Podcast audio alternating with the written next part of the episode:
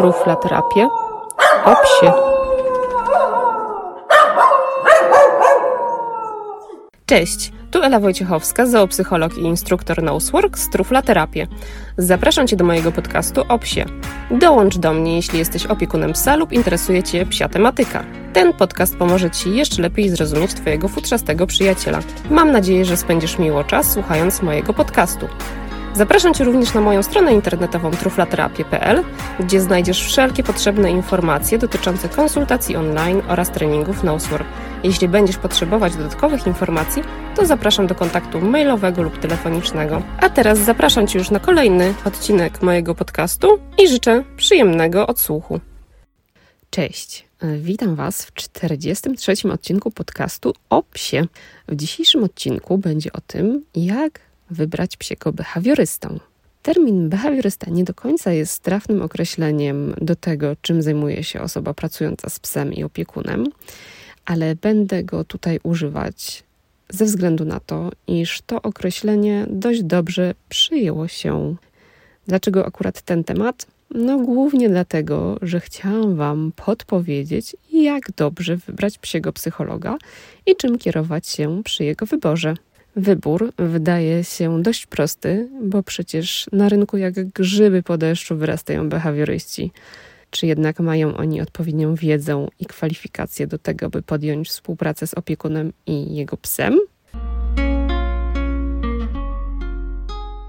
Zawód behawiorysty i trenera jest nieregulowany, dlatego praktycznie każdy może określić się mianem zarówno behawiorysty, jak i trenera, niezależnie od tego, czy posiada jakiekolwiek wykształcenie w tym zakresie. Oficjalnie na listę zawodów Ministerstwa Pracy i Polityki Społecznej jest wpisany zawód zoopsychologa. Jednak i w tym przypadku nie można mieć pewności, że trafi się na osobę kompetentną, która stosuje przyjazne dla zwierząt metody pracy. Podobnie jak w przypadku pet-sitterów, o których opowiadałam w 24 odcinku podcastu, również w przypadku behawiorystów są osoby, które od małego mają psy i kochają te psy, i o takie osoby uważają, iż posiadają odpowiednie kwalifikacje do tego, by zająć się zarówno psią psychiką, jak i pracą nad zachowaniem psa. Jednak w żadnym z tych przypadków sama miłość do zwierząt nie jest wystarczająca, by ogarnąć tak szeroki temat, jakim jest psychologia psa, ale również psychologia człowieka, bo jednak praca zoopsychologa to przede wszystkim praca z człowiekiem, a wiele osób, które decyduje się na zostanie behawiorystą, deklaruje, iż kochają pracować ze zwierzętami, no ale z ludźmi to już tak nie do końca. No i właśnie to jest często przyczyną do niepowodzenia komunikacji pomiędzy opiekunem a behawiorystą, a przecież rozmowa z opiekunem to kluczowy element pracy behawiorysty. Rozpoczynając poszukiwania behawiorysty, jedną z pierwszych rzeczy, które należy rozważyć, jest to, jakich metod pracy używa dana osoba. Czy są to metody pozytywne? Co kryje się pod tym pojęciem? Niejednokrotnie metodami pozytywnymi określa się tak zwany balance training. Przy tego typu szkoleniach wykorzystuje się zarówno wzmocnienia i kary negatywne oraz kary pozytywne.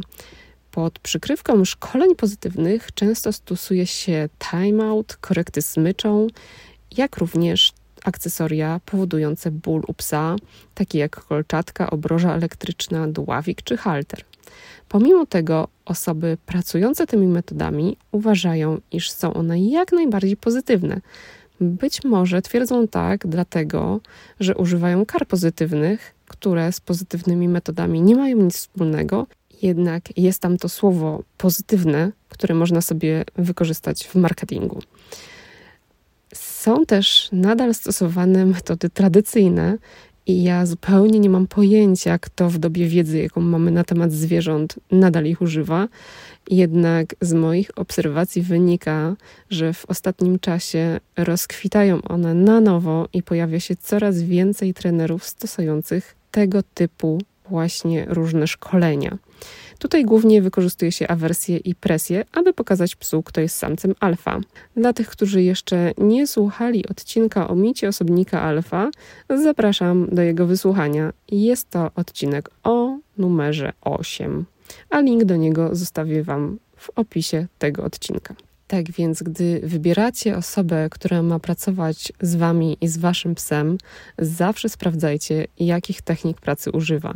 Wybierajcie osoby, które wykorzystują tylko i wyłącznie pozytywne wzmocnienie, czyli w większości przypadków pracują przy pomocy smakołyków. O tym, dlaczego smaczki są fantastycznym narzędziem pracy z psem i dlaczego warto je wykorzystywać w szkoleniu, mówiłam już w odcinkach 18 i 19 do których wysłuchania Was serdecznie zapraszam i do nich też link zostawię w opisie. No a jeśli chodzi o stosowanie kar, to może to jedynie przyczynić się do pogorszenia relacji pomiędzy opiekunem i psem, utratą zaufania psa do opiekuna, a w wielu przypadkach również pogorszeniem się zachowania, szczególnie gdy pies wykazuje zachowania związane z lękiem lub z agresją. Na co jeszcze warto zwrócić uwagę, gdy już dowiemy się, jakie metody pracy stosuje Wasz kandydat? Warto zerknąć na kwalifikacje i doświadczenie tej osoby. Istotne jest, by taka osoba ciągle poszerzała swoje kwalifikacje. Ukończenie jakiegoś kursu naście lat temu nie oznacza, że ten ktoś posiada odpowiednią wiedzę do pracy z psem. Cały czas pojawiają się nowe badania, nauka się rozwija i pojawiają się też nowe metody pracy z psami, dlatego spoczęcie na laurach nie świadczy dobrze o behawioryście. Z drugiej strony są takie osoby, które uczestniczą we wszystkich pojawiających się wydarzeniach i trenują z psami skomplikowane kombinacje i sztuczki i uważają, iż posiadają wiedzę absolutną, a tak naprawdę nie mają nawet podstawowych umiejętności potrzebnych do pracy ze zwierzętami. Takie umiejętności jak dobre wyczucie czasu, znajomość teorii uczenia się, wiedza na temat psiej komunikacji i umiejętność odczytywania mowy ciała to podstawa. Dodatkowo potrzebne są dobre umiejętności interpersonalne, potrzebne do komunikacji z opiekunem, i wyjaśnienia opiekunowi tego, co dzieje się z psem, w zrozumiały dla niego sposób. Behawiorysta powinien także mieć pojęcie o podstawowych jednostkach chorobowych, jednak dla wielu osób jest to po prostu czarna magia. Nie wspomnę już o znajomości farmakologii, która jest stosowana w wymagających tego przypadkach. Będąc już w temacie zdrowia, dobrze jest również, gdy behawiorysta współpracuje z weterynarzem prowadzącym waszego psa. Taka współpraca jest konieczna, gdy zachodzi podejrzenie choroby lub bólu, lub gdy trzeba dobrać odpowiednie leki. Bo musicie wiedzieć, że behawiorysta nie może wypisać recepty na leki ani zalecić konkretnego leku i jego dawki. Behawiorysta może tylko zaproponować lek, jednak to lekarz weterynarii ostatecznie dobiera dawkę i decyduje, czy dany lek jest odpowiedni dla konkretnego psa. Weterynarz prowadzący zna historię leczenia psa i tylko on może wskazać lek bezpieczny dla waszego pupila. Niektórzy opiekunowie nie do końca wiedzą, czy potrzebny jest im behawiorysta, czy może lepiej zatrudnić trenera. Na czym polega różnica? No głównie na tym, że trener jest od tego, by nauczyć psa jakiegoś zachowania, a behawiorysta pracuje nad zmianą niechcianego zachowania. Niby proste, ale w rzeczywistości jest to bardziej skomplikowane, bowiem trener powinien posiadać przynajmniej podstawową wiedzę z psychologii zwierząt, Natomiast behawiorysta musi wiedzieć, jak uczy się pies i znać odpowiednie techniki pracy z psem, by pomóc opiekunowi w nauce chociażby najprostszego zachowania. Trener pracuje z psem głównie na placu szkoleniowym, a behawiorysta prowadzi indywidualne konsultacje z opiekunem psa. Rolą behawiorysty jest przede wszystkim przeanalizowanie zachowania i opracowanie planu terapii dostosowanego do konkretnego zwierzęcia i do jego opiekuna. Oprócz potrzebnych kwalifikacji warto zwrócić uwagę, czy dana osoba należy do jakiejś organizacji zrzeszającej behawiorystów. Takie stowarzyszenia najczęściej dają gwarancję tego, że dana osoba ma odpowiednią wiedzę i umiejętności, by zająć się tak trudnym zagadnieniem, jakim jest psia psychika i psie zachowanie. No dobrze, a ile kosztuje usługa behawiorysty? No to zależy. Osoby nie mające doświadczenia najczęściej mają niskie stawki za konsultację czy trening z psem, jednak czasem mogą one też nie mieć odpowiednich kwalifikacji, by poprowadzić danego psa.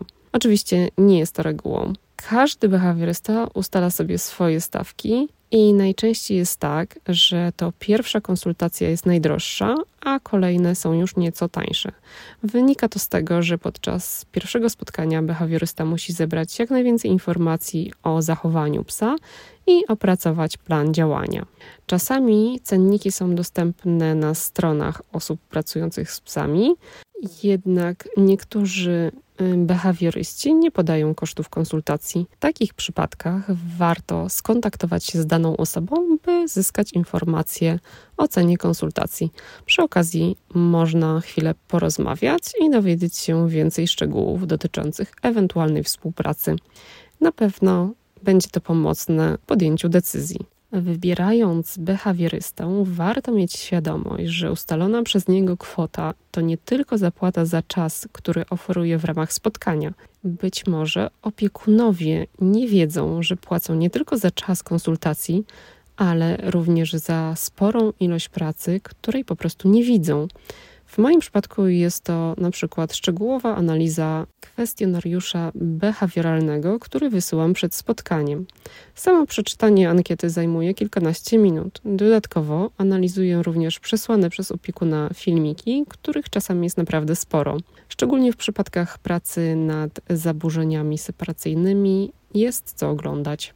Także trzeba trochę czasu poświęcić na przeglądanie takich filmów i na analizę zachowania. No i czasem jest to nawet kilka godzin pracy. A po spotkaniu dochodzi jeszcze czas na napisanie raportu wraz z zaleceniami do pracy dla opiekuna, a w niektórych przypadkach trzeba także rozpisać konkretne ćwiczenia czy nagrać filmiki instruktażowe, aby opiekun był w stanie poradzić sobie z nauczeniem jakiegoś zachowania. To naprawdę zabiera sporo czasu, który mało kto uwzględnia, pytając o cenę konsultacji. A poza tym cena wynika również z tego czasu, który behawiorysta poświęcił na swoją edukację. Myślę, że tutaj y, dobrym podsumowaniem tematu kosztu konsultacji będzie pewna anegdotka o Picassie, który siedział kiedyś w restauracji gdy podeszła do niego kobieta i poprosiła, by na bas grał jej coś na serwetce. Powiedziała, że zapłaci tyle, ile artysta uzna za stosowne. Picasso zgodził się i szybko wykonał rysunek, po czym powiedział: To będzie 10 tysięcy dolarów. Na co kobieta odparła ze zdumieniem: Ale pan to zrobił w 30 sekund. A Picasso na to odpowiedział: Nie, proszę pani, zajęło mi to 40 lat.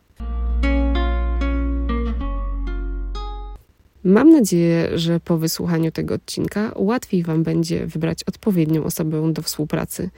Co jednak zrobić, jeśli okaże się, że traficie na osobę nieuczciwą, która pomimo zapewnień o stosowaniu tylko i wyłącznie pozytywnych metod, będzie stosowała awersję, na przykład będzie używać dłowików lub halterów pracy z Waszym psem. A Wy przecież nie popieracie takich metod i nie chcecie, by ktoś podduszał Waszego psa.